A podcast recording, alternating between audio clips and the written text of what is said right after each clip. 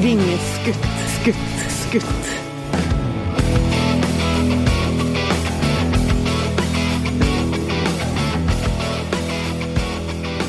Du er ikke redd for korona. Nå har jeg telefonen selv. Nei, jeg er ikke redd for korona. Jeg har nok eh, overlevd mye mer i livet. Jeg har vel gambla mer, mer med livet enn eh, Så jeg tror ikke Jeg, jeg, tror jeg, ikke, jeg er ganske sikker på at jeg ikke dør av koronaen, iallfall. Og nå, nå til deg som hører på, eh, så snakker jeg altså i dag med Kjell Torstein Hagen. Men du kaller deg bare Kjell, gjør du ikke det? Stemmer. Ja. Eh, du, har, du, hadde et kallenavn også. Hva var det for noe? Det er. Klefto-Kjell, ja. Så du har vært igjennom litt verre ting enn koronaen, ja? Litt verre ting enn koronaen. Mm. Jeg skal ikke sammenligne Klefto-Kjell og bli kalt Klefto-Kjell og korona, det skal jeg ikke. da. Men det var jo var jo ganske negativt belasta kallenavn i mange, mange år, for å si det sånn. Ja, ikke sant. Er, jeg synes, fordi eh, dere, jeg kjenner jo Kjell litt etter hvert. Man blir gjerne kjent i dette rusfeltet. Men, eh, men, eh, men, jeg oppfatter det jo bare fordi jeg har kjent deg i et år eller to som, som et litt morsomt navn. Men du sier at det var et belastende navn. Det var belastende mange mange. Nå, nå presenterer jeg meg liksom som Klepto-Kjell. Nå, nå, har jeg tatt navn, nå har jeg tatt eh, eierskap sjøl i Klepto-Kjell og bruker det i Mm. foredragsøyemed. og liksom, Når jeg presenterer meg litt rundt omkring. Blir jo litt sånn, jeg ser jo på folk at de, det synker litt i magen på dem når de hører det navnet. For det er ikke noe gøy å bli kalt for Klepto. Nei. Men eh, det at jeg ble kalt Klepto-Kjell, det var jo en eh, det var vel en god grunn til det. For jeg var jo, jeg var, var, jeg var jo ikke noen snill gutt liksom, som aldri gjorde noe gærent, for å si det sånn. Nei, ikke sant. Og, og, du holder foredrag nå, du. Holder foredrag. Ja. Hva er det du holder foredrag om, Kjell? Nei, det er jo sånn som vi rusmisbrukere Nei, det handler jo om meg, da. Oppveksten. Hvordan jeg da kom borti rusmiljøet. Eh, hvordan jeg begynte å ruse meg. Liksom, grunner til hvorfor jeg begynte å ruse meg. Men det beste av alt, er at det, det beste av alt er å fokusere på hvordan jeg greide å slutte å ruse meg. Ja, men vi, vi, må jo få høre litt om hvordan du begynte, for å skjønne i det hele tatt at du hadde det, Selvfølgelig. Jeg kjenner jo min historie ja, veldig godt. Ja, men, men, fordi det er det du holder foredrag om, ikke sant? Det er det jeg holder foredrag om. Bevisstgjøring og forebygging og hva jeg mener kan gå gærent. da, liksom, Som, som uh, Jeg har hørt på noen av podcastene dine siste. liksom, og Det er mye av de samme historiene som går igjen, liksom, med tanke på hvor, hvor rusen starter. 12-13-årsalderen. Liksom.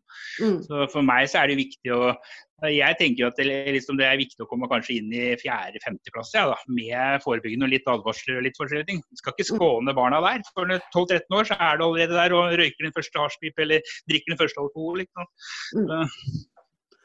Ja, altså det er jo veldig vanlig. Jeg har holdt mine foredrag, jeg også. Og, og det å starte i 12-13-årsalderen, det er jo Det var vanlig, og det er vanlig, og det blir vanlig, tenker jeg. Ikke sant? Ikke sant? Ja. For alkoholen er jo lovlig, ikke sant. Og det er mange da, foreldre som ja, det er jo lovlig. Liksom, som sønnen eller dattera di kommer hjem drita full om 14 år, så ja ja, det hører jo med til ungdomsalderen. Så tenker jeg ja, det gjør kanskje det, men du trenger ikke oppfordre dem til å drikke. Ja. Nei, nei, nei, ikke sant. Men, men, men der, uh, der, har vi, der har vi jo en liten utfordring, tenker jeg. Jeg har jo barn som er 14 og 16 år. Uh, uh, men når jeg går tilbake og ser på meg selv som 13-åring, så tok ja, jeg tok jo min første, første øl da jeg var 13, men, men det, altså, ingen hadde jo kunnet stoppe meg. Vi har jo et problem med det, da. ikke sant. Det er jo nettopp det å stoppe deg. Men ja. det er ikke bare bare bestandig. Min mor greide aldri det. Hun prøvde alt hun kunne. da ble jeg bare borte. Så enkelt var det. Men uh, du lurer på, eller for at du vil ha litt av historien på hvordan jeg ble Klepp-Kjell? ja, vi, vi, må jo høre litt av det, må vi ikke det? Ja, ikke sant? Og så kan vi også hake opp at vi var på, vi var på forebygging nå, for det er litt interessant. Men ja, få høre først. Hvordan ble du Klepp-Kjell? Det er jo en lang historie, da. Men jeg er jo vokst opp og liksom, Jeg går rundt og tenker at alle veit hvem jeg er. Men sånn er det jo ikke. Jeg er vokst opp på Gol i Hallingdal. Du var jo her på et seminar som jeg holdt nå for to år siden, så du har iallfall vært på Gol én gang. Sikkert Mm. flere ganger òg. Ja, ja. Men, eh, noen av de husker jeg, noen ikke. Ja. Men jeg er jo, jeg, er jo, jeg blei født i Oslo. men Liksom, eh, jeg ble eller, eh, nå i seinere tid da, så fant jeg ut Eller hvordan skal jeg si, nå stokker jeg litt på ordet her. men. Eh, jeg, eh, min mor var født meg alene i 1971. 10. mai 1971 så ble jeg født. Og Mm. da var hun alene. Og, og Nei, hva skal jeg si? At, eh, men så kommer det en, en, en i bildet da, som hun trodde var faren min da, i 1972. Han kommer inn igjen i, i bildet. Han tror han er faren min, og han ber om gull og grønne skoger. Og det var skam da i 1972, eller 1970 for den saks skyld, å være alenemor. Så Mm. hun valgte å tro på at dette her blei bra, så hun tok han inn i livet sitt igjen. Noe som da blei ganske negative følger både for meg og henne, og søsken og sånn i ettertid. For han viste seg å være han var ikke, For meg så var han ikke noen bra mann, ikke for min mor heller. Liksom. Han uh, syntes det var uh, Når jeg da var ja, Når han kom inn i bildet, så jeg var ett år. Jeg hadde akkurat lært meg å gå. Han syntes det var artig å trekke gulvteppet under eh, beina på meg, sånn at jeg snubla. Så jeg slutta egentlig å gå i reint rask fram til jeg var 18 måneder, for jeg så ikke noen grunn til å gå, for han dro bare en teppe under meg. Han syntes det var også artig å løfte meg opp etter øra henge, la meg henge der dingle. sånn at jeg ble litt sånn rød på øra. For det var ikke det at jeg hadde gjort noe gærent, men det var litt gøy å se meg bli rød på øra. Så sånne ting setter jo litt preg på, preg på deg som unge. Det, det, det, det jeg merker at man sitter og lurer på, det er, er selvfølgelig fordi vi snakker om rus. Er, øh, øh, drakk han eller noe sånt, eller var han Han bare en jævel? Han var en jævel, han drakk ikke. Så, um, så jeg, jeg vokste opp i de åra med han, da. Liksom jeg, jeg, jeg fikk jo to eh, søstre etter hvert. Mm. Og, som da var to og tre år yngre enn meg. Mm. Eh, de, han to, jeg hadde ikke noe utagerende på dem, de var jo vitne til mange ganger. da, At jeg fikk gjennomgå, min mor fikk gjennomgå. liksom. Mm. Så når, det var ti, når jeg ble ti år Jeg levde jo med han i ti år. Og da ble, tok mutter'n endelig skrittet og gikk til separasjon og ble skilt etter hvert. Mm. Ja. Men da hadde jo dette satt veldig store preg på meg. Det hadde satt preg på mutter'n, så hun begynte å slite med nerveproblemer. Mm. Så hun jeg ble jo pillemisbruker i 10-12 år etterpå. Og dette her vokste jeg opp under. Liksom, på Gol, som en usikker fyr, da. Jeg var jo en eh, usikker, jeg var ikke så veldig jeg jeg var ikke noe sikker på noen ting, og var egentlig han som ble litt rar i klassen, egentlig. Som ble litt, eh, ble litt utelatt i forskjellige For til idrett var ikke helt meg, men du vet, før i tida så ble jeg, når jeg ble plukka ut på lag da, så var det to, to elever som ble satt opp til å plukke ut hvert sitt lag. Jeg kom alltid sist, liksom, så jeg blei aldri med i gymmen etter hvert. jeg blåste i gymmen. Mm. Liksom. Men så da skal jeg si, hvordan startet vi? Jeg husker veldig godt hvor, ikke hvor det starta når jeg gjorde kriminelle ting. Da, for det ble mye sånn der, Jeg var med på butikktyverier. Liksom. Det var jo liksom inn og vise hvor tøft det var. liksom. Jeg ville jo være en av alle, jeg òg. ikke sant? Så Begynte å stjele litt i butikker og blei veldig mye etter hvert. Og blei jo tatt etter hvert. Blei tatt flere ganger, og da blei det liksom Klepto-Kjell. ble det automatiske navnet. At du skal du hilse på Klepto-Kjell, så bør du tilhøre fingrene dine etterpå. ikke sant? Mm. Det blei jo sånn der bevisstheten på de aller fleste innbyggere, både politi og innbyggere, og fikk jo det bevisstheten her. sånn Klepto-Kjell. Mm. Og når jeg da er 15 år, så skal jeg også drikke ja, liksom Jeg var jo imot narkotika og alkohol og sånn fram til jeg var 15. Da, da smakte jeg øl for første gang natt til 17. mai på konfirmasjon. Som eh, en debut for mange da, på den tida der. Liksom når, du er, eh, når du er 15 år, så er du jo liksom gammel nok når du er konfirmert, liksom. da var det helt naturlig å drikke seg full på, på, ungdoms, eller på, på bygdehuset. Og det, der var min eh, debut da, i alkoholen. Og når du er 15 år, så er det jo liksom eh, Får du ikke gått og kjøpt alkohol sjøl. Det, litt, det, det koster penger å drikke alkohol. Ikke sant? Mm. Så hva gjør vi da, da? Jo, nei, men da finner vi ut at det er Pers hotell, som det sikkert alle har hørt om, det var jo sånn derre Oi, her, her eh, Hver helg da, så var det jo liksom gjester der som da hadde øl og sprit og sånn på rommet. Dører sto oppe, vinduer sto oppe. Så da liksom fant jeg ut at Oi, litt tilgang, da. Du hadde jo ikke de eh, gjestene, at de var mennesker med hva liksom, det føles som. Det tenkte du ikke noe på. Du gikk inn bare på rommet dem så tok det de hadde. Så du hadde raid inne på Pers hotell på gjestene som bodde der? Og samla Ja, så smart, da! det var veldig lurt, var det ikke det? Ja, jævlig smart. Det hadde ikke jeg klart å tenke ut. Så, men det var jo stort sett meg, da. Eller det var jo, det var jo andre òg som opererte på den tida, men det var jo stort sett jeg da som blei tatt for det. Jeg blei jo en sterkt liksom, mislikt fyr da, innenfor eh, både Pers konsern og mange andre. Så etter hvert, men det blei sånn evig rundball. Jeg blei tatt for de gærne ting. Jeg fikk litt juling noen ganger og sånn. Så da blei det jo bare sånn at jeg er litt trassig. Så da gjorde jeg bare Jeg får skylda likevel, så da var det liksom godt gjøre sånn. Så det var liksom starten på Gol, da. Liksom med tanke på Klepp og litt ruskarriere og litt sånn forskjellige. Det blei jo et stempel, da, som du skjønner. sånn, eh, sånn for å hoppe litt sånn fram til i dag, da, med tanke på den gangen, på 80-tallet, børren på 90-tallet, så var jeg liksom sånn der eh, da var jeg klept og kjell, liksom. Da var jeg liksom meg politiet kom til hver gang. Nå som vi sitter i 2020, en del år, år etterpå, ti år nykter, så er det liksom sånn der Nå vet alle hvem jeg er, men da er det positive øyne, og det er det som er litt gøy. ja, ikke sant. Men, men, men før vi hopper til i dag, bare ett spørsmål. Hva gjorde den uh, hvorfor, hvorfor, fikk du dilla på å drikke? Uh, eller ruse deg? Hva gjorde den første ølen med deg? du følte, du følte, en helt annen ny verden, liksom. Det, ble, det, ble, det bedøva vel litt, liksom. Og du følte liksom at liksom alle problemer og sånn, det ble, bare forsvant, egentlig. Det var derfor jeg, alkoholen, liksom. Jeg, jeg, I dag da, så ser jeg ikke hvilken glede jeg hadde med det. Den gangen så syntes jeg liksom at jeg måtte ha måtte drikke alkohol hver eneste helg. Men jeg var jo alltid han som ble mest drita og sovna bak i et hjørne. Eller så, hvis jeg ikke sovna, så var jeg, gjorde jeg et eller annet reid. ikke sant? Så, Ga, men i dag så ser jeg ikke hva det gjorde med meg, men den gangen så var det var jo for det er som Jon Storås i Rio, eller rusmisbrukeren som daglig leder i rusmisbrukernes interesseorganisasjon for en gang, at det er en virkelighetsavhengighet. ikke sant? Alt med rus å gjøre. Og det ligger mye der. Man flykter litt fra virkeligheten.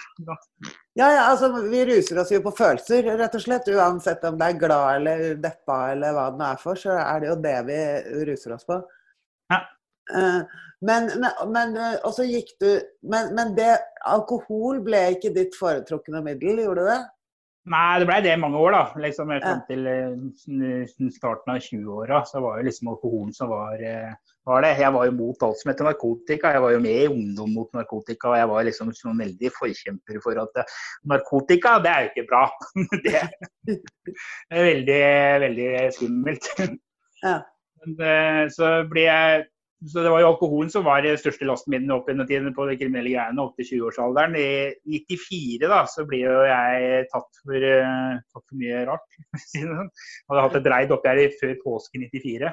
Mm. Og, og, da ble jeg tatt av politiet. da. Og da fant de ut at nå skal vi skåne Hallingdals innbyggere den påska her, så jeg ble satt i varetekt. Ja. Og satt i varetekt i fire uker med påstand på to års ubetinga fengsel. Mm. Så jeg tenkte hva gjør jeg nå? To år? Det orker jeg ikke.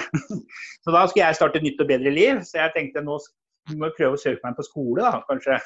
Mm. Jeg søkte meg på Elverum folkehøgskole. Jeg kom inn der. Og det hadde jo stor uttelling i retten, da, at jeg hadde kommet inn på skole og ville begynne på et nytt og bedre liv. Så jeg, jeg fikk da mulighet til å få samfunnstjeneste, som jeg da skulle gjennomføre under det skoleåret. Mm.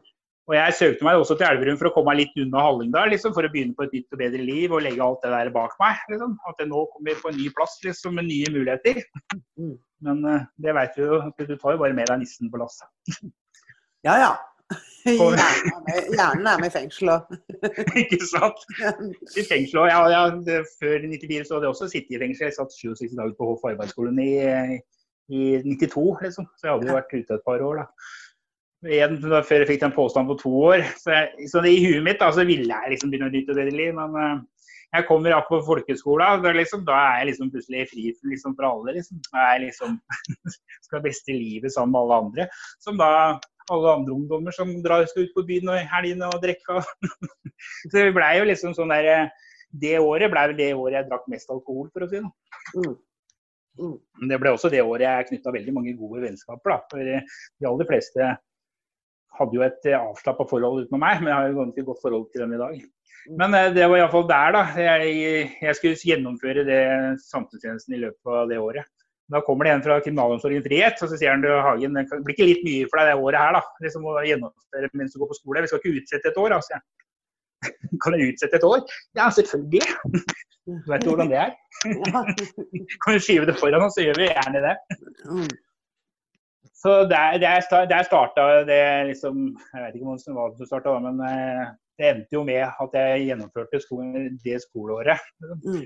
med, med, en del eh, alkoholproblemer. Og så er det en kamerat av meg som bor på Kongsvinger. Han kommer jo og sier nå må du flytte til Kongsvinger til meg etter det skoleåret, så skal du, skal du få et nytt og bedre liv. Oi, så bra. Mm. Så der lå alle muligheter åpne. Og da flytter jeg også til Kongsvinger med tanke på at jeg forteller, jeg forteller ikke hvem jeg er. Jeg vil starte på nytt, jeg vil starte med blanke ark og diverse ting. Men jeg hadde jo fortsatt den samfunnstjenestedommen i bakgrunnen, da. Mm. Det var 400 timer timers samfunnstjeneste som skulle gjennomføres. Og jeg blir da møter ei dame som forelsker meg hodestupsig. Og jeg forteller jo ikke henne om min fortid.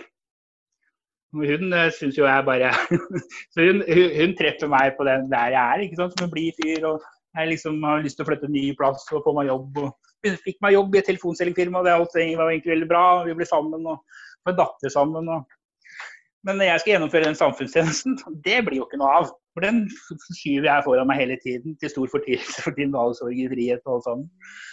Så i 97, når etter dattera mi ble født, så velger jeg å bryte samfunnstjenesten. Det var jo mange år siden jeg har gjort noe gærent. Det var hele tre år siden, så ingen kunne putte meg inn til å bryte samfunnstjenesten, tenker jeg. Mm. Men eh, så enkelt er det jo ikke. For brudd på samfunnstjeneste tilsvarer fengselsstraff. Jeg begynte jo i mange år sånn eh, krangling, da. Mm. Da, jeg hadde jo da måttet innrømme etter hvert til, til samboeren min om fortida mi. Mm. Så det blei jo litt kommersier ut av det. Hun velger å gi meg en ny sjanse. Men da begynte jeg liksom med sånn krangel med rettsvesenet at jeg skal ikke inn, så jeg drev på, i, drev på i fem år. Nesten fra den gangen. Hun krangla i rettssystemet. Mm. Da hadde jeg egentlig lagt ballasten, og det ble, det ble jo en sånn ballast både for eh, samboeren min og dattera mi og alt, egentlig det, det, livet jeg levde der. Jeg begynte også, og Da kom jeg også bort til narkotika. Ja. Mm. Eh, for det var jo på en av de tidspunktene jeg skar meg mellom henne, så var jeg på en vanlig fest liksom, der jeg drakk alkohol, og så kommer det en med amfetamin, og så tenker jeg nå er det slutt her. Og, mm. Samme søren, nå, er, nå går alt til helvete likevel. Da ble det amfetamin. Og det blei jo min følgesvenn i en del år, da, for å si det sånn. Jeg vet ikke om jeg stokker mye på Ola. igjen. Det skal du ikke være så opptatt av. Det går helt fint. Ja. Men da hadde jeg iallfall lagt en sånn eh, Da hadde jeg iallfall lagt en sånn derre eh, så det, det, forholdet mellom meg og moren, det, det skjærte jo seg selvfølgelig sånn ganske uh, sikkert da, i 2002. Mm. Og da står jeg egentlig jeg litt på bar bakke igjen. Hvor gjør jeg meg nå, liksom? Jeg hadde jo egentlig dritmøtt så hadde holdt på Kongsvinger. Det ble nesten som Gol at alle visste hvem jeg var. Ja. Og alle politifolka som på Kongsvinger. Der, på Gol er 4700 innbyggere. I Kongsvinger er 17 000 innbyggere. Mm. og litt flere. Men alle politifolka visste hvem jeg var. ikke sant? Så jeg hadde egentlig Hvor skal jeg gjøre av meg nå? Skal vi tilbake til Gol? Nei. Mm. Men det var liksom Gol jeg drar til. da. Kommer tilbake til Gol som klepskjell og narkoman i 2002. Det var, var egentlig dømt til å ikke lykkes så veldig godt. da. Men jeg ville jo prøve, da. Så jeg fikk jo muligheten. Flytta, eller, eller Samboeren til moren min driver en sånn campingplass. Så jeg fikk mulighet til å bo på hytte der. og jeg, jeg holdt meg nykter et halvt år. da. Og til slutt da, liksom, så begynte kommunen å ha litt tillit til meg. Sånn, jeg får et tilbud på en kommunal bolig, så jeg kunne flytta vekk fra campinghytta. Sånn. Det, det var liksom, da hadde jeg liksom planer om at nå skal jeg begynne en utdanning. Jeg har alltid hatt et sånn ønske om å jobbe med mennesker, da, så jeg har alltid hatt ønsker siden jeg gikk ut av 9. klasse å jobbe innenfor helse og sosial. sånn. Så det, det var liksom planene mine. da. Men så etter et halvt år da, så da kom det en kompis av meg på døra liksom, så ble, for han tenkte at jeg, nå har Kjell vært nykter så lenge, så det må vi gjøre noe med. Så lurte jeg lyst på justering, eller? Nei, jeg skal være nykter, jeg. Ja, justering er ikke så farlig. Nei, justering er ikke så farlig. Nei. Det blei jo, som du sikkert hørt noen historier om før, at uh, den justeringa endte jo med fullt party igjen, liksom. Da ble det fram og tilbake i Oslo. Jeg begynte å finne, for Jeg ville ikke ruse meg så mye i Hallingdal, for her var jeg ganske gjennomsiktig. Så jeg begynte å fly litt fram og tilbake da, til Oslo. Var der en uke kanskje og en, eh, lapsa på sofaen hjemme igjen eh, en uke før jeg kom fram og tilbake. Jeg hadde sånn der dobbeltliv ganske lenge. Fram til i 2005. Da ga jeg egentlig bare søren i alt. Og så blei jeg en av eh, gatebeboerne i Oslos gater. Mm. Så ble jeg faktisk en av første selgerne her lik Oslo. Nummer, selger nummer 177. Ja, da hadde jeg, egentlig- da hadde jeg egentlig synket så lavt som jeg egentlig følte, liksom, med alt sånn selvrespekt og alt. egentlig. Jeg hadde egentlig kommet ned på jeg var ned på null, egentlig. Egentlig så ga jeg søren i alt. Mm. Så da hadde jeg egentlig starta den balubaen. Det, men eh, jeg liker Oslo. Det var vel jeg også en av redde for å si etterpå. Liksom. Det var jo liksom fordi du, du må ha en viss struktur, da, selv om du da driver med rus og du driver med det der Bor i garasjer eller du eh, vasker deg på fyrtårnet og sånne ting. Så fyrlyset heter det. Ja. Så vil du prøve å ha en struktur, da, for du er litt avhengig av å få inn penger. Så det var en viss struktur jeg fikk meg like bort da. Selv om eh, det var ikke så veldig gøy å stå i Karl Johan og selge når det kom volinger forbi, liksom. Da, da, det, da sank du ned i bakken. Mm. Så det var tre år, da. Fram, jeg hadde jo fortsatt leilighet med Gol, så jeg hadde jo Jeg eh, brukte jo fortsatt Hun dro tilbake noen ganger, da. Lapsa her et par uker. Og tilbake igjen. Så jeg hadde jo Så mange, synes, mange trodde ikke det var så gærent med det livet mitt, da. For du har jo tross alt leilighet på Gol, så det er jo ikke noe gærent. Det, det trodde jeg jo. Jeg har jo tross alt leilighet på Gol, så det er ikke så gærent med meg. For alle andre bor jo på gata har ikke leilighet, så jeg har det egentlig veldig bra. Mm. Ja, men det er, jo, det er jo sånn vi lurer oss selv. Hele veien. Ja. Ja. Mm. Det var det, så jeg hadde ikke noe problem. Jeg, jeg, jeg, så til slutt så hadde ikke jeg noe problemer lenger. Jeg synes mm. dette er, det er jo sånn det, det, det er livet jeg, skal leve. ikke sant? Mm. Det, det er sånn det blir. Det ble en identitet, da, liksom. Så i 2008 så begynner ting å snu seg litt, eller ikke snu seg, da. Som, men eh, da blir min mor hjerteoperert. Og det ble jeg egentlig lå inne på sykehuset en god stund etterpå med lungebetennelse og alt. Og da tenker jeg hva søren er det som skjer nå? Så jeg velger da å dra tilbake til Gol, da. For tross av at jeg veit at her har jeg egentlig brent alle bruer fra før. og her Det velger jeg egentlig du skal prøve å etablere meg på Gol igjen. Liksom. Og på Nav, på Nav den gangen så sier de at Kjell, nå skal du ut i jobb. Liksom. Så sier jeg at eh, jeg, jeg får ikke noe jobb oppi her.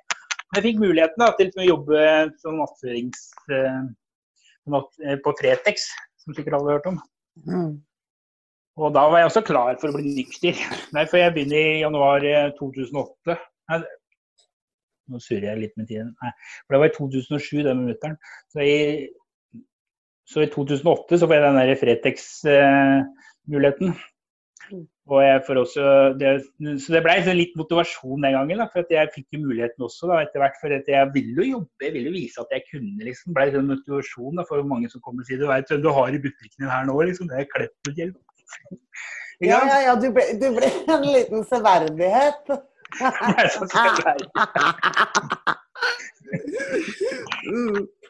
Så, jeg, så det var litt artig å stå og peke nese til en stund, da. Men så ble det jo, så, så begynte jo liksom så å se, da. Liksom for, for jeg hadde jo ikke sett hva slags rusmiljø det var i Hallingdal før, liksom. For jeg dro jo her fra 94. Og det var egentlig sånn der, du eh, kom det en by, en bygutt og spurte om hasj på en lørdagskveld, så fikk du en grisehjuling. Så det var jo veldig tabu med narkotika oppi her. Og jeg hadde egentlig ikke lagt merke til det før heller, men når jeg kommer tilbake da du skal begynne å etablere meg på Gol, så ser jeg hvor mange som driver med ting. Og jeg tenker at oppi her så betalte de da 500-600 gram for amfetamin. Og jeg tenker wow, jeg betaler 150-200 i Oslo, her skal vi gjøre penger. så da blei det sånn der jeg jobba på Fretex, da, så begynte jeg med sånn dobbel igjen. Farta fram og tilbake i Oslo. Jeg hadde ikke opphold i Oslo, da var jeg bare henta. Så det blei sånn det ble så, så, det, så det var altså det, det, den, den første det, det var første forsøk på å, å slutte, og så begynte du igjen Eller så fortsatte du pga. fristelsene videre, ikke sant? Fristelsene, Jeg var, jeg, var vel, jeg var vel egentlig ikke klar for slutt. Jeg fant jo en ny unnskyldning. Jeg kunne tjene penger. Jeg skulle jo være sant? sjøl, da, men eh, Ja. Og det er det skulle, det er det jeg skulle frem til, for det, det er det jo utrolig mange som holder på med. De tror at de får nokket sitt. Men jeg har jo fått nok mange ganger. Ja, det er, det er jo det vi driver med. Vi får jo nok hundre ganger før vi noen gang tenker på å slutte ordentlig, ikke sant. Ja. Så, så ja, så der, jeg vil bare bøtte inn der, fordi det er også sånn som man kjenner igjen så godt. At alle driver på sånn, ikke sant. Alle, alle driver på sånn. Ja. Men så, jeg har jo liksom lest en del historier, jeg har hørt på podcastene dine, og jeg ser jo det er mye gjenkjennelsesfaktorer. liksom. Mm. Det er jo når man sitter sånn i ettertid. Og, men jeg blir jo tatt, da. Selvfølgelig så blir jeg tatt etter hvert. Jeg, liksom ikke, jeg ble jo tatt av politiet for en mindre greie, men det kom jo Fretex for øret, mener jeg. Og der blir det jo en alvorspreken, da. Jeg får, men jeg får da en ny sjanse. De vil gi meg en ny sjanse. Nå skal jeg gå under urinprøver. Så lenge de sa jeg skulle gjøre det. Så jeg la meg helt langflat da, og sa meg frivillig til urinprøver. Og holdt meg rusfri da, de fire månedene jeg måtte ta det. Og, og da skulle jeg også, da var jeg helt klar sånn, nå skal jeg begynne et nytt og bedre liv. og Mm. tok bort gardinene på hjemmet. Eller, for jeg hadde alltid, vet, I sånne stukeboliger så har du aldri gardinene oppe. Her er gardinen igjen, for ingen skal ha innsikt. Men jeg tok jo opp gardinene, så folk kunne se inn i leilighetene. Men det ble oi, Kjell har åpna vinduene, og da har det blitt bra igjen. Så da, men det, da I 2009, da, i april måned, så da har jeg vist en god tillit en stund. Og da har de sagt at Kjell, nå har du klar til å søke deg ut på reelt arbeidsmarked i Gol. Men så får jeg da muligheten, sånn helt eh, utrolig nok, da, fikk jeg muligheten til en, eh, en stilling på Rema 1000 på Gol. Mm. Som, eh, han, sjefen hadde egentlig ikke noen stilling, men eh, han gikk med på at jeg skulle få en måneds utprøving der. Og jeg viste jo mine gode sider, da, så etter den måneden så jeg, ble jeg ansatt i en 70 %-stilling der. Så det, da var jeg liksom, da smilte lykken og sola skinte. og nå, nå skulle livet starte igjen liksom, med jobb eh, på Gol. og Folka gikk og klappa meg på skulderen og klepte Kjell i kassa på Rema 1000. Det var liksom, det var ganske sånn surrealistisk. Så tenkte jeg at nå skal jeg iallfall bli rusfri. Men du veit, gamle sånne der nisser de henger jo på lasset hele veien. Nå var det litt sånne motbakker, da. Begynte å tenke igjen der, liksom. Ah, vi har jo fortsatt kontakt i Oslo. Skal jeg fortsatt holde meg rusfri, da. Men jeg skulle bare selge litt på si. Mm. Du vet hvordan det ble. Det ble jo full fart igjen, det. Fra i, over et år så ble det jo fram og tilbake i Oslo. Alle, alle visste jo at jeg solgte. Liksom, alle som gikk inn og ut av porten min var jo narkoman. Den ble jo stempla som det. Kjell, eh, Kjell, hold i ledningen din. ja, ja, ja, ja, alle ble stempla som det. Ja. Så for å gå inn der. Så jeg, men jeg ble aldri tatt, så jeg tenkte hvorfor ble ikke jeg tatt, da? Jeg kan bare drive på, ingen tør å ta meg. ikke sant? Mm. Men, da, men eh, og helt utrolig, for de som brukte dem, så jo på meg. Liksom, jeg lurte sjefen min i over et år. Liksom, han hadde ikke mistanke i det hele tatt. Helt til jeg da ble grisetatt i oktober eh, 2010. Mm. Da ble jeg tatt med litt større mengder. Ble jeg vel tatt med 130 gram til sammen. Og varetektsfengsla. Jeg ville jo egentlig ikke si så mye om eh, forholda den gangen. Liksom. Jeg bare, «Wow, jeg vil innrømme at det var bitt, da, men jeg ville ikke si så mye mer. Men så jeg ble varetektsfengsla. Og da så jeg alt bare, da så jeg alt røyk. Da så jeg hele fotfestet. Nå, her, nå, alt, alt jeg har bygd opp, egentlig, selv om det har vært et dobbeltliv, så var det liksom jobben på Rema 1000 og de nye identitetene. Liksom. Da var jeg tilbake som Klept og Kjell og narkoman og kriminell. Var liksom, alt var jo egentlig alt var bare bånn i bøtta for meg. Jeg, men jeg satt i varetekt, og det var det, det liksom eh, der det begynte å snu for meg. For jeg det var da jeg måtte begynne å tenke. Liksom. Så det var en redning for meg at jeg ble tatt. for å si det sånn. Ja. Da måtte jeg begynne å si, for jeg har jo hele tida da brukt opp gjennom åra, så jeg alltid har skyld på liksom, en dårlig barndom. liksom. Men, eh, med en far som var eh, syk i hodet sitt, en mor med, med psykiske problemer. Liksom. Det var det som var grunnen til at jeg rusa meg. Men så sitter jeg der en alder av nesten 40 år, da, så kommer jeg Hvordan kan jeg skylde på de. Jeg er jo 40 år, jeg må ta ansvar for eget liv, egentlig. Og da var da jeg fant ut at eh, kommer jeg ut igjen nå, liksom, nå skal jeg være rusfri. Men det, men det jeg var avhengig av, da det, Jeg hadde jo jobben på Rema 1000, men jeg var sikker på at det, den, den ryker nå. Men jeg kommer ut av varetekt etter hvert. Det første jeg gjør, er å oppsøke han på Rema 1000. Uh, vet du hva han sa? Jeg har jo sagt dette før, men de andre har jo ikke hørt det. Det var det som var eh, For han sier Kjell, jeg ble jævlig, jævlig skuffa over deg. Men du har ikke gjort meg noe gærent, du har ikke gjort Rema noe gærent. Så hold deg rusfri fra i dag, så skal du få beholde jobben din. Hvor mange sjefer er det som sier det? Det er, helt, det er helt fantastisk, den historien der, altså. Fantastisk det, mann. Ja. Han fantastisk. Ja. Så for meg så var han redningen. Det, var liksom, det, det, det, blir liksom ikke aktuelt å gå og ruse seg mer da. ikke sant? Det er liksom, Du fikk den sjansen, ruser du deg nå, da vet du at det, da, da er det egentlig tapt. Da, da er det ryket, da er lagt lista sånn at det, det er ikke vits lenger. Da kan du bare gå og hoppe ut av en bru. eller noe sånt. Så det ble redningen min, da. Jeg ble jo litt eh, men for å si, jeg ble arbeidsnarkoman noen år, da. Rundt, liksom. Men, eh, så, det ble, det var, så det var veien min til rusfrihet, da. Så da vil du kanskje høre de, hva som skjedde etter det òg. Ja, ikke sant. Og det, eh, eh, og det Fordi at du gjør jo så jeg, jeg leser jo ofte deg på Facebook og sånn, Kjell. Ikke sant? Ja? Og, og du sier jo at du har blitt rusfri på egen hånd, og det er jo ganske sant. Du har jo klart dette selv. Men du gjør jo veldig mye. Ja, har vel litt eh, har blitt, har blitt et engasjement opp gjennom årene. Det blir vel litt mye noen ganger. Jeg har jo en samboer som mener at jeg bruker mer tid på alle andre enn hjemme. Men det blir liksom sånn engasjement, da. For det blei jo liksom sånn derre for Etter jeg har vært da rusfri i fire år, tror jeg det var, da hadde jeg liksom gått rundt og tenkt at ja, jeg er rusfri på Gol og syns livet var egentlig ganske greit. Så har jeg liksom ikke tenkt så mye før jeg har en lokalavisa kommer og vil ha et intervju med meg. da. Så jeg var media vil intervjue meg. ikke sant? Så jeg, gikk jo med på et intervju. For, uh, jeg kan historia mi brukes til Det var da jeg liksom fant ut at oi, kan historia mi brukes til fornuftig, så er jo, er jo det bra. Det jo, må være positivt. liksom. Har jeg greid å snu et kriminelt liv i, til å bli en uh, samfunns... Eller en som eh, betaler skatt og har en jobb, liksom, så kan det gi andre et håp, da, så gjør jeg gjerne det. Jeg stilte opp i det intervjuet. Og det blei veldig bra.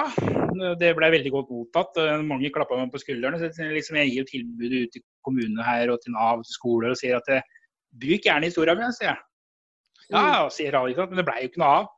Men etter hvert da, så viser det seg at det, grunnen til at de ikke ville det, da, for de sier at det, de alle sa at det er veldig bra engasjement du har, Kjell, og det er veldig bra det du har gjort og fått til. Men eh, her i Gol kommune har vi bevisst strategi på å ikke bruke tidlig rusmisbruk verken forebyggende eller rehabilitering. Unnskyld at jeg ler, men jeg må le høyt av sånt. Og litt med vilje veldig høyt. Ja, videre. Kom igjen. ikke sant? Ja. Og da blei jo det, det ble, da, bare, Hæ? Hva er det du sier for noe? Så det, det, Da våkna et sånt engasjement i meg. for da tenkte jeg at det, ikke det at jeg, jeg sitter ikke på noe sånn fasitsvar eller noen ting, egentlig. Men for meg, da, og for oss som har vært på, eh, innenfor rusfeltet, så vet vi at eh, likepersonsarbeid og bruk av egen erfaring kan være gull verdt i samarbeid med fag, fagfeltet. Selvfølgelig innenfor liksom For vi Kutt, du, sitter ikke du Kjell, kutt ut det der ordet 'kan være'. Det er. Men Jeg prøvde bare å være litt snill nå. Nei, nei, nei. Det er, liksom. Ja, ja. Men, men, men hvis vi ser da som det var det i 2014, liksom, Ja. så var det den tankegangen jeg hadde da. ikke sant? ja, Men eh, i dag så vet vi at det er. Mm. Men, eh, så det blei ble en sånn litt eh, Så jeg hadde jo litt mye brå greier, da. Det blei jo en del avbusintervjuer oppe noen greier. Jeg liker Oslo, kom og ville ha et intervju med meg. og blei God morgen Norge-intervju og sånn. Og det blei jo liksom at det, det blei en eh, Sånn for meg og mange som jobba for Gol kommune, så følte de liksom at jeg hele tida hengte dem ut. ikke sant? Så, det, så det blei sånn der klamp om Jeg blei litt klamp på foten dem. Men så ville jeg vise dem at det, verdien av det med likepersoner. Jeg ville vise dem sånn reelt, liksom. Så jeg kontakter Jon Storås, som da var daglig leder i RIO, som jeg fortalte sa, Rusmisbrukernes interesseorganisasjon. Så jeg, og han hadde jo hørt litt om meg i media, så sier jeg at deg vil jeg gjerne ha meg på laget, sier han. Ja, det er fint. Jeg vil gjerne ha RIO inn i Hallingdal, sier jeg, for jeg vil gjerne markere bruk av likepersonsarbeid. Så han eh, jo, fikk jo samla alle, da, alle kommunene oppi her, til et møte i august 2016. Der alle stilte opp da, under tvil, selv liksom, for at de var ikke helt sånn jeg, klar- klar på hvor de hadde meg igjen. Men eh, møtet ble veldig positivt, og så er det ei som foreslår fra psykisk helse i Hemsedal som sier at hun hvorfor ikke dra i gang et seminar som viser verdien av dette? sier hun. Kunne du, tenkt, kunne du tenkt deg å stå på regien av det, sier hun. Tenkte jeg oi, får jeg muligheten til det? ja, det blir jo eh, så tar vi det i, eh, som et Rio-arrangement i samarbeid med Havnelandskommunen. Ja, nei, men det vil jeg gjerne. Så det blei jo, ble jo starten på noe veldig for meg som har blitt veldig bra. Det første seminaret ble gjennomført da i november 2016 i Hemsedal. Den gangen så var det vel 60-70 personer som var fremmøtte, men jeg syns det var veldig stort. Det var, målet den gangen det var jo et seminar for Hallingdals kommune for å vise det, liksom. Så vi hadde jo Rio oppover her, og det var flere, flere bra personer, da.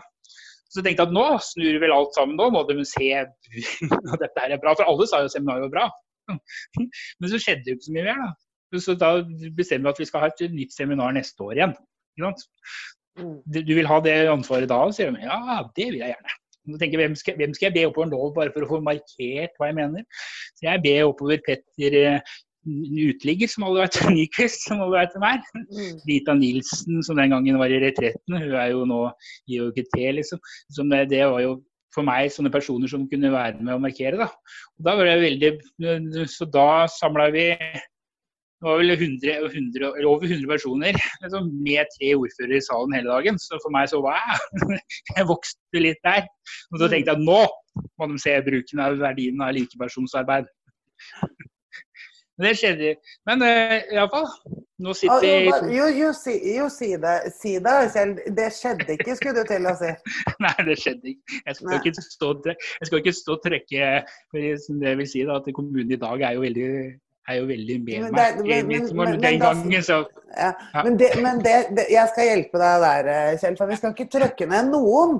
Nei. Men det som er, er at det er ganske naturlige årsaker til at folk som ikke er rusavhengige og jobber med rus, tror eh, undervurderer egen erfaring fordi at de tror Altså, man tror jo at det er fag som skal til i alle yrker. Du kan jo ikke være kirurg, uh, autodidakt selvlært kirurg, så det er ikke noe rart at folk tror det.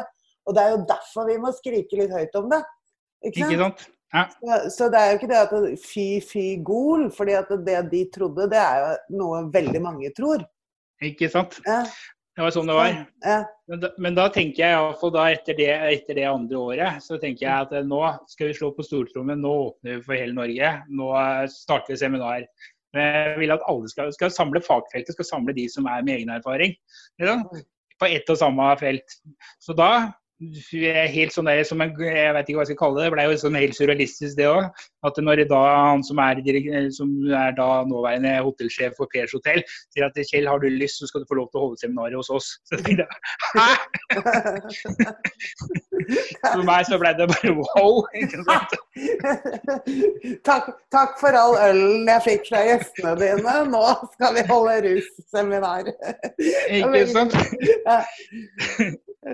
Så det, det ble jo veldig veldig stort for meg da, å få lov til å ha det på den plassen som, som hadde utvist meg egentlig på livstid på mange år, og jeg var den mest uønska personen. jeg fikk lov nå også å holde i et russeminar på samme plassen, så det ble veldig stort. Så, og du var jo der, så du veit jo hvor bra det blei, liksom. Ja, det gjør jeg. Jeg var der og skreik, jeg ja, ja. det, var, det, var, det er et til deg som lytter. Nå heter, nå heter dere Rush mot rus, gjør dere ikke det? Eh, jo, Rush mot rus var med. Liksom, vi har litt skilt, litt, skilt, ut litt aktiviteter. Da. Så det er Rush mot rus var med, og Rush mot rus er fortsatt en eh, samarbeidspartner. da. Men ja. eh, det, går, det, går, litt i vi har lagt, eh, nå, nå, har vi lagt seminarer opp på en eh, sånn plattform at det, det, er ikke i regi av noen, egentlig. Det er i samarbeid med. For, sånn. for det er stort sett jeg som i, står i regien for dette her, da. Liksom. Ja, for det, det, kan, det, kan, vi rydde opp i nå. For det ser nemlig ut på Facebook som om det er uh, Rush, rush mot Roots som, som driver det. Men det er du som driver dette store seminaret, ikke sant? Det er, som, det er som har stått i regien i alle år. Jeg hengte jo dette her mot rush mot rus i fjor, for at jeg gikk jo ut av Rio liksom, i fjor pga. litt interne greier der. Så valgte jeg å trekke meg ut derifra. Og jeg hadde jo kjørt det som et Rio-arrangement da de tre første årene. I fjor så hang jeg da på Rush mot rus, eh, for, eh, som Andreas Hyldetoft, som er da leder av en kamerat av meg. Og jeg tenkte at nå skal vi prøve Vi prøver å henge det på nå, da. For å, for å ha, et, eh, for å ha noe å henge, henge, det på. Liksom. Ja, så For alle som ikke vet noe av hva dette er. altså RIO det er interesseorganisasjonen for rusmisbrukere som er egen erfaring. Og Rush mot rus det er en organisasjon som eh, Det er en frivillig forening innenfor aktiviteter. Da, innenfor uh, forskjellige aktiviteter som gir deg litt rush. da. Liksom, Istedenfor å gå og ruse deg, så får du litt rush av uh, de aktivitetene. Så, ja. ut, uh, I fjor så var vi på Vossavidden liksom, og fløy i vindtunnelen der. og Vært på litt forskjellige aktiviteter på, på ski og snøscooter og litt forskjellig. Ja, og dette, dette, er en organisasjon som holder til i Hallingdalen, ikke sant? Det er i Hallingdalen, ja. ja. Så, og, og, så er det da Fordi, det, det, fordi dette, dette, seminaret du snakker om, det er jo noe altså, Hvordan skal man forklare det? Det er noe Du er ildsjelen bak det. Så første gangen så var det Rio du fikk med som støttespiller for å sette det i gang. Jepp. De tre første åra så var Rio, eh, var Rio med som støttespillere.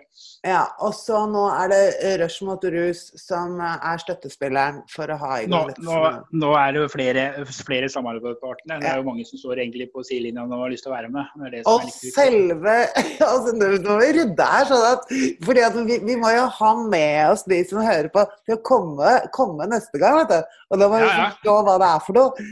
Så, og selve seminaret, det heter Det heter 'Hvordan møte mennesker med psykiske utfordringer og rusavhengige'. Yes! Ikke sant? Og det, du som lytter, det må du, det må du se etter. Eller du, den beste måten for deg ikke sikkert du husker hele det navnet der, det er jo også, eh, også legger merke til navnet til Kjell Torstein Hagen, fordi eh, da kan du finne det på Facebook også. Og, litt til å ikke finne. eh, ikke sant? Og, og, hvis du ikke husker det navnet, så kan du bare gå tilbake på denne podkasten her og se hva som står på den, for der står navnet hans. så kan du få med deg dette store, fantastiske seminaret. Da, da jeg var der og holdt foredrag for deg, Kjell, så var Hvor mange var det der da? Det var Vi var 200 stykker ja, det var, hver dag. Ja, ikke sant. Det var en, snakk om party. Og dere var jo alle da, alle da var med og markerte hva jeg har satt som eh, hva, hva som mitt budskap er om likepersonsarbeid og egen erfaring. Med tanke på deg, Ronny René Nilsen, tidligere politimann som ble rusavhengig. Trond Henriksen, en av Norge, Norges farligste mann på 80-tallet. Liksom. Eh, Jan Skøyen, en av de største kriminelle i Drammen.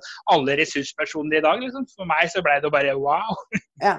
Det var, eh, var veldig stort. Så når, når, dette her skal i gang igjen, så, så hvis du vil på et seminar som det svinger av, og, det, og, som er skikkelig party, så er det dit du skal dra. Det er i hvert fall helt sikkert og visst. Vi må, jo, vi, må jo, også understreke at det er Julie Winge som er konferansier nå, da.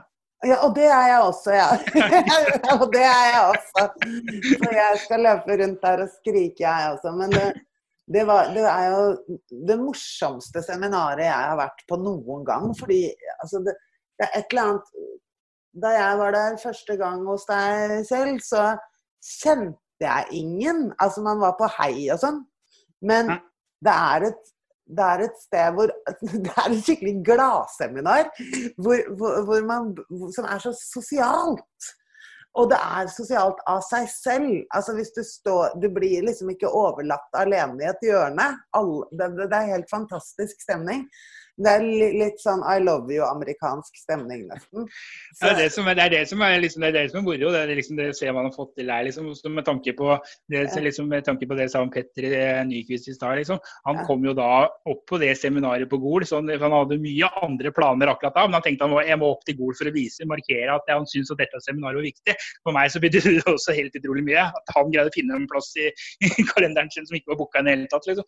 Det var veldig, veldig, veldig moro.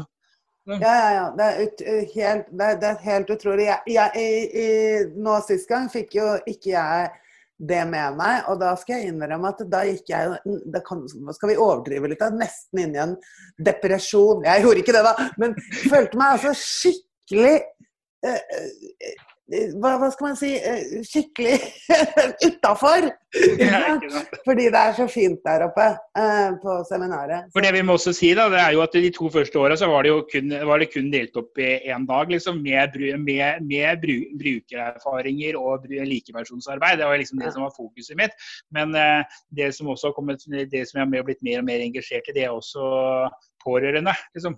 Vi har alle, alle vi rusmisbrukere har pårørende, og vi er mange pårørende da som har sine problemer og utfordringer, liksom, som ikke, som de tror de sitter helt alene med.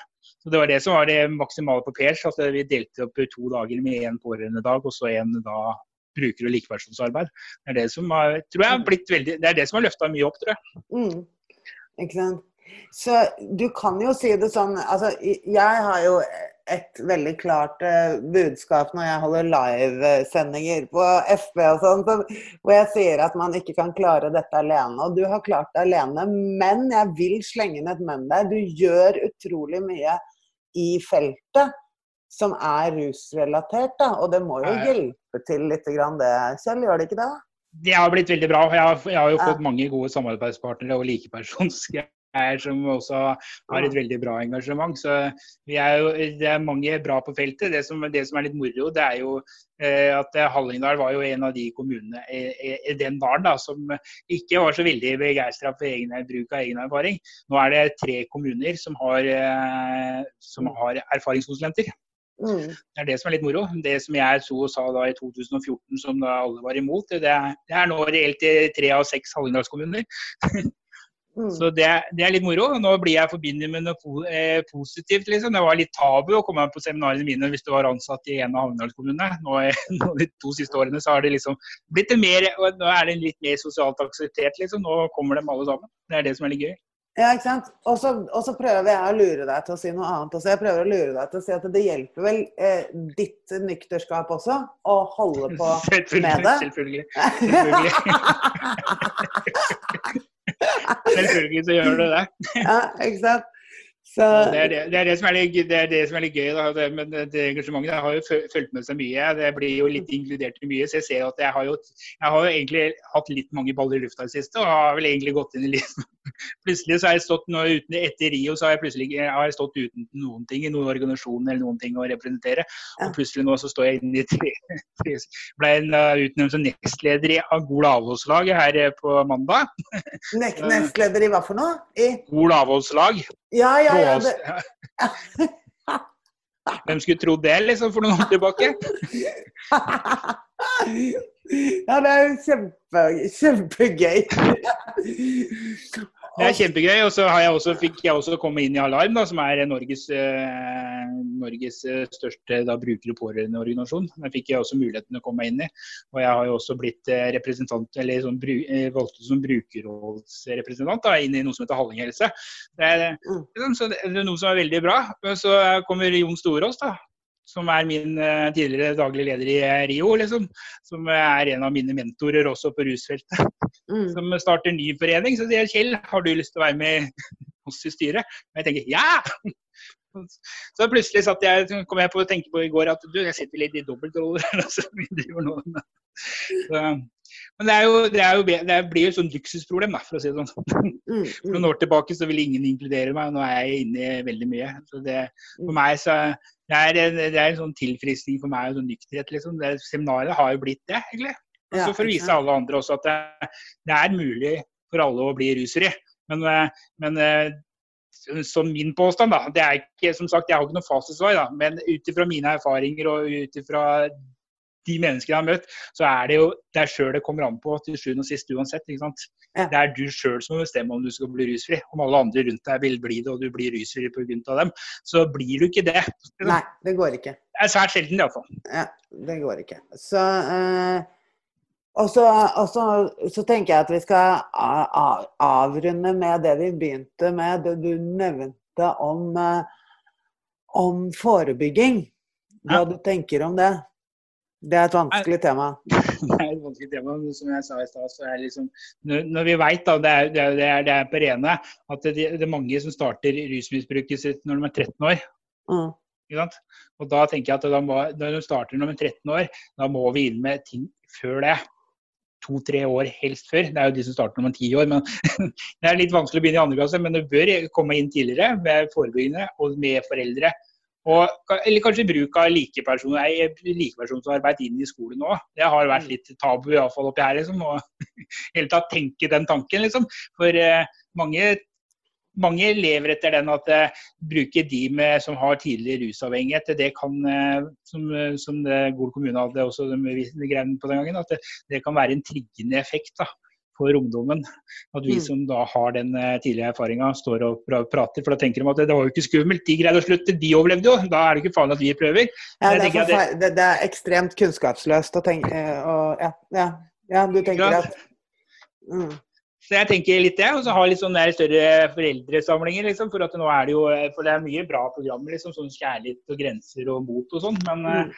sånn min påstand, da. Det er veldig bra. Jeg, ikke, jeg sier ikke noe gærent om de, de programmene, men sånn, jeg tenker kjærlighet og grenser, det samler de foreldrene som allerede er engasjerte. Ja. Mm. Så det, jeg, jeg, har ikke noe fasitsvar, men jeg tenker vi må prøve å finne en måte der vi da greier å treffe alle. Liksom, fortelle om farlige greiene. At en ungdom drikker, det får vi aldri stoppa. Men vi trenger ikke ha foreldrene som oppfordrer dem, eller som applauderer det og går og kjøper alkohol. Liksom. Det er mm. iallfall sånn sterk drit i den alkoholen. Og hvis eh, sender du med ungen din vin på, på en fest, så er ikke det den eneste drikker. Det, vi veit det, som har drevet med det, og vi veit at det er ikke den eneste drikker. Men det er mange foreldre fortsatt som tror det. da. Det vil si, vi sender med dem den sixpacken eller den vinflaska, så jeg veit iallfall hva de drikker. Nei, du veit hva de får da, men ikke etterpå. Jeg tenkte plutselig på noe. altså eh, det går ikke an å stoppe noen i å begynne å drikke. Det går ikke an å stoppe noen i å fortsette å drikke. Eh, det går ikke an å, fordi det går ikke an å stoppe noen i det de vil selv, uansett i livet. Eh, men men det det går an og Det du snakker om, er jo å, å, å spre kunnskap, egentlig. Og kanskje, for det, det tenker jeg mye på, kanskje også at man skal spre kunnskapen til foreldrene. ikke sant? Hva er det avhengighet eh, innebærer? Hva, hva, er det det driver til? Og hvordan ser det ut? Og det kan man bare få fra, fra egen erfaring. Eh, eh, og også fra selvfølgelig altså, at en professor står for eksempel, Det er ikke noe gærent i professorer heller, det er ikke det som er poenget, men at en professor står og forteller hva avhengighetssyndromet er, uten erfaringen, vil ikke gi den samme effekten som når vi gjør det, og fortelle hva, hva inneholder de punktene her? Hva er det for meg? Ikke sant? Ikke sant? Altså, fordi, og det, det, er også der det er mangel på kunnskap når folk sier ja nei, du burde ikke komme på du, du, du, kan ikke komme på la oss si, videregående skole, for det kan trigge elevene. Det kan jo ikke det. Vi forteller jo nettopp det at, det at jeg har sluttet å drikke, det er, det er, jo Altså min kjempejobb er jo å holde det ved like. For hvis jeg drikker igjen, så havner jeg på snørra. Ikke sant? Og eh, jeg, jeg, fikk også Jeg var på foreldremøte på videregående her på Nesodden nå. og da hadde de sånn Ja, og så skal vi så hadde de sånn eh, tale til alle foreldrene. Sånn eh, Datteren min går i, i, i første gym, så det er sånn introduksjonsmøte. Og så hadde rektor en sånn introduksjonstale, da. Hvor hun sa eh, ja, vi skal det og det gjennom året, og så skal vi ha om rus og psykisk helse. Og vi skal vi har valgt da sa hun veldig tydelig så, vi har valgt å ikke bruke folk med egen erfaring på det seminaret. Og det var sånn Oi! Da, da, da, ble jeg litt narsissistisk. Sånn, Oi, den var til meg. okay. Men, og da får man jo lyst til å si noe. Da får, da får man jo lyst til å si faktisk Å ja, hva er vitsen med seminaret da? Ikke sant? Men, men eh, fordi at det er jo nettopp det. Vi, vi, kan Vi lærer jo ikke bort at Se så flinke vi er, det går an å slutte. Vi lærer jo bort at Se så farlig dette er, jeg kan begynne igjen når som helst. Derfor må jeg holde dette ved like. Det er min sykdom. Ikke sant? Men jeg, jeg, tenker også, jeg, tenker også, når vi prater om sånn bevisstgjøring og forebygging, da, så er det jo det viktigste at man eh, En av de viktigste, en av de viktigste faktorene er foreldrene. ikke sant? Og det er mange foreldre, spesielt i den gården her, som sier at du nå må du ta deg sammen, og så må du ikke drive med alle den skremselsprogrammene. Det ble det folk ut av meg òg? Eller det ble folk ut av oss, liksom. Selv om vi da drakk Eh, ja ja, deg ble det. Du fikk sikkert et bra liv, du. Mm. Men det er liksom, tenk på de andre som ikke ble det. da, Sånn som meg, og det var jo flere også som det gikk så veldig greit med. Du må ikke ha den holdningen overfor ungdommen. At det gikk greit med meg, så går det helt greit for deg òg. Liksom. Nei, det er jo fordi de ikke vet hva det er for noe. Og så er det, men det aller viktigste det er jo at det er ungdommer, liksom. Det, det, den røde tråden der, det er jo at man må føle tilhørighet. liksom. Har du driti ut, har du gjort noe gærent, har du rusa deg, da trenger ikke de foreldrene som står og skremmer ungene sine at han der, eller hun får du ikke du lov å være med, for de er klin gærne. Vi må inkludere dem allikevel. Liksom. Mm. Uansett hva de har gjort for gærent. For eh, blir du blå, låst ut, så blir det ikke det at det går som meg, men jeg, jeg blei gjeld, Jeg blei han der tullingen som rundt og stjal. Så, så, det er bedre å inkludere liksom, og ta tak i det. og til, For ungdom, tilhørighet, liksom, bli sett. Liksom. Mange, hvor mange ungdommer er det ikke som har sagt det på gjennom tidene? Av at du så meg, at jeg greide å snu livet mitt. Liksom. Mm. Så jeg tenker at vi må se hverandre, så må vi ta vare på hverandre. Det er liksom, så må vi ikke slå hånda av hverandre. Så blir, livet, blir verden mye varmere hvis vi kommer oss over den koronaen. Den der stopper vi med, Kjell. Tusen takk. Det var en jævlig bra Tusen takk for at eh, du kom på vingeskutt. Kjell. Ja, det var en stor ære å bli spurt av deg, så jeg kunne jo ikke si nei til det. For meg, det var Tusen takk for at jeg blei bedt. OK, og vi ses. Jeg skal i hvert fall på Ja, jeg skal jo være konferansier hos deg, så jeg, skal, jeg kommer uansett. det gjør du. OK. Du, vi kan jo si som, litt om hvem som skal være med. Ja, da, det, får... ja det, må du gjøre. Ja, gjør det. Ja. Hvem er det som så, kommer denne gangen? Pårørendedag det blir da tirsdag 3. november. Dette, nå, nå blir de to siste årene så har det blitt lagt på Storefjell høyfjellshotell. Eh, som er, som, eh, ja, og det kommer Alexander Nordengen. Eh, han er sønn av Anniken Nordengen, som kanskje mange husker fra den serien 'Jeg liker kafé'. Mm. Han forteller om oppveksten sin og om eh, livet med to rusavhengige foreldre i, i oppgang 13 i 13 år. Det kommer et foreldrepar, eh, familien Bratland, Mone og Arne Bratland, som mista sin 17 eh, år gamle sønn av MDMA-overdose i London i 2017. Første gangen han prøvde narkotika i hele tatt. Han døde. Og Jeg liker, jeg liker kafé. Den kommer på onsdagen til 4. 4. november.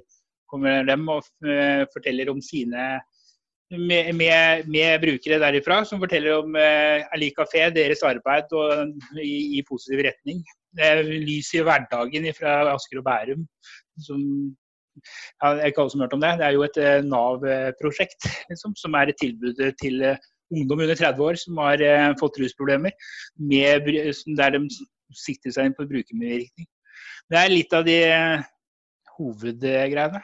Det blir veldig, veldig bra. Og som sagt, Julie sa i stad, så er det bare å gå inn på hvordan møte mennesker med psykiske utfordringer og rusavhengige. Det er en egen arrangementsside på Facebook. Eller gå inn på sida mi. Mm. Og er de engasjerte nok, så er det bare å be meg inn på et foredrag. så får jeg ja, ikke sant. Rett og slett. Nei, men da får du ha. Tusen takk, Julie. Ja, du heter ikke Kleftokjell, du heter Kjell Will. Skal vi se. Kjell Will. Du vil så mye. Ikke sant? Elpropell er noe som sier. Elpropell. Tusen takk, Kjell. Tusen takk skal du ha. Og da sier vi pling plong i dag også.